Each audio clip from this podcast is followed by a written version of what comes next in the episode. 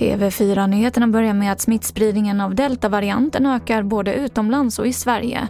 Detta enligt den senaste rapporten från Folkhälsomyndigheten.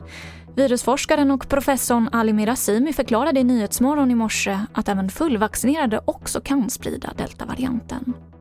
Även du är ju fullvaccinerad så kan du bli smittad eh, och, och smitta andra. Men då ska man tänka att om du är eh, full frisk och, och fullvaccinerad, även du blir smittad, din smittsamhet, den fönstret där du sprider viruset är betydligt kortare och, och går väldigt fort. Men det finns alltid risk. De här vaccinerna är inte hundraprocentiga, det, det vet vi. Det är ingen vaccin.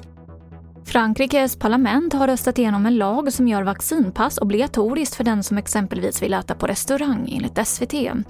Passen kommer också bli obligatoriska för flyg och tågresor från och med augusti.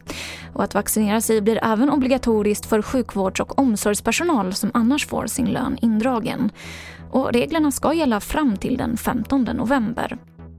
Och vi avslutar med att i mars i år så försökte en man smuggla in guldsmycken till ett värde av cirka 90 000 kronor genom tullen och in i Sverige.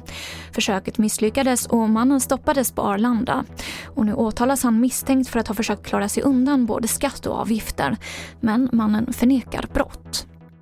Och det här var det senaste från TV4 Nyheterna. Jag heter Emily Olsson.